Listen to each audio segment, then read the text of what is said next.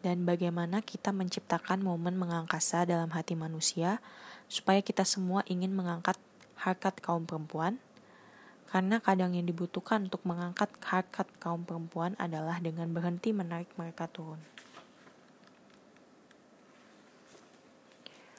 Kami percaya bahwa semua nyawa berharga, tetapi kami melihat bahwa dunia tidak berjalan seperti itu, bahwa kemiskinan dan wabah penyakit berpengaruh jauh lebih besar di beberapa negara daripada negara lainnya.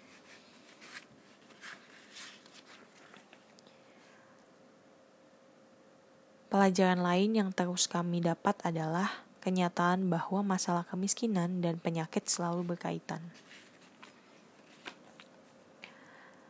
Bila kita sebagai perempuan dapat menggunakan bakat dan energi kita, kita mulai bicara dengan suara sendiri demi nilai-nilai kita sendiri, dan karenanya kehidupan semua orang membaik.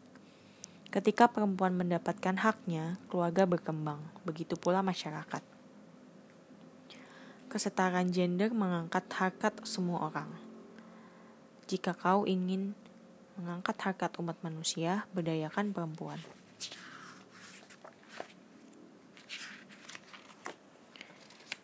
Artinya, jika kau ingin melawan kemiskinan dan memberdayakan perempuan, kau dapat melakukan keduanya dengan satu pendekatan.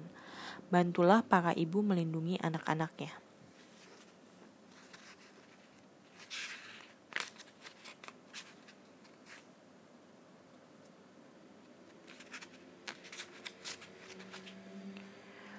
Moral berarti menyayangi sesama seperti menyayangi dirimu sendiri, yang timbul karena memandang sesama sebagai dirimu.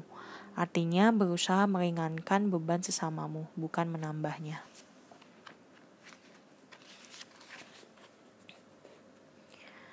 Sekolah yang hebat bukan sekedar mengajarmu, melainkan mengubahmu.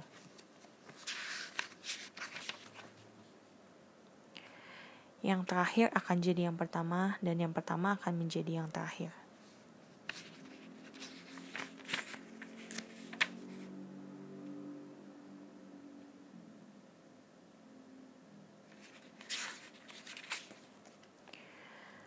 Tidak seorang pun dari kita memperoleh hal-hal tersebut sebagai hasil dari usaha kita. Semuanya adalah pemberian.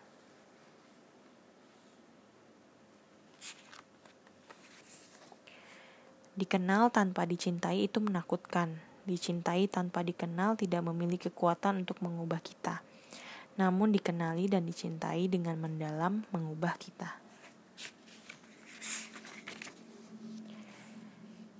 Itu sebabnya kita, para perempuan, harus saling menyemangati, bukan untuk menggantikan para laki-laki menduduki puncak hierarki, melainkan untuk menjadi rekan bersama para laki-laki dalam mengakhiri hierarki.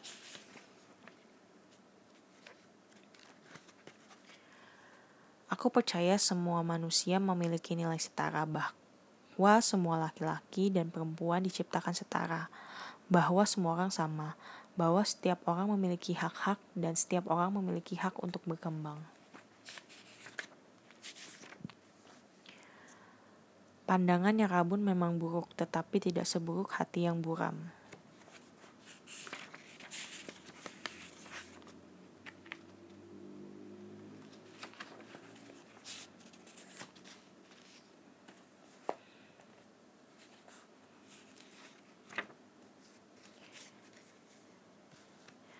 Kau harus membuktikan bahwa dirimu tangguh, dan begitulah caranya. Kami tidak berterima kasih kepada satu sama lain, kami tidak saling memuji. Aku mampu melakukannya, aku berhasil melakukannya, namun cara itu menguras energi, dan aku mulai lelah dengan segala kemarut-marutnya.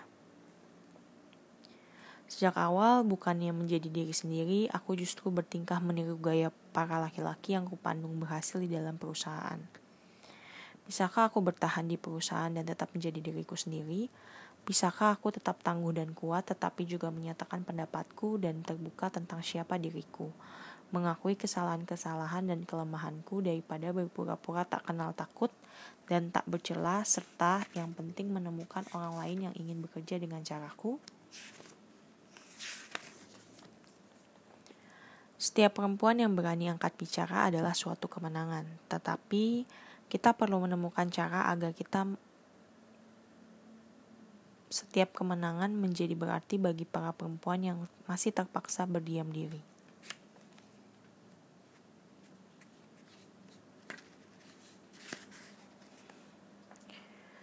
Penelitian menyatakan bahwa perempuan lebih sering meragukan diri sendiri daripada laki-laki, bahwa perempuan sering kali meremehkan kemampuannya sendiri, sedangkan banyak laki-laki memandang kemampuan mereka terlalu tinggi.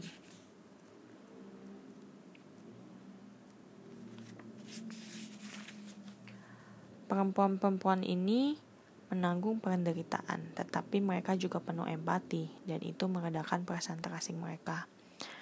Brené Brown mengatakan bahwa definisi sebenarnya dari keberanian adalah menampakkan diri sendiri. Dan kurasa salah satu cara paling sederhana untuk membuat diri kita terlihat adalah mengutarakan keinginan kita, terutama ketika tidak ada seorang pun yang menginginkan kita memiliki keinginan.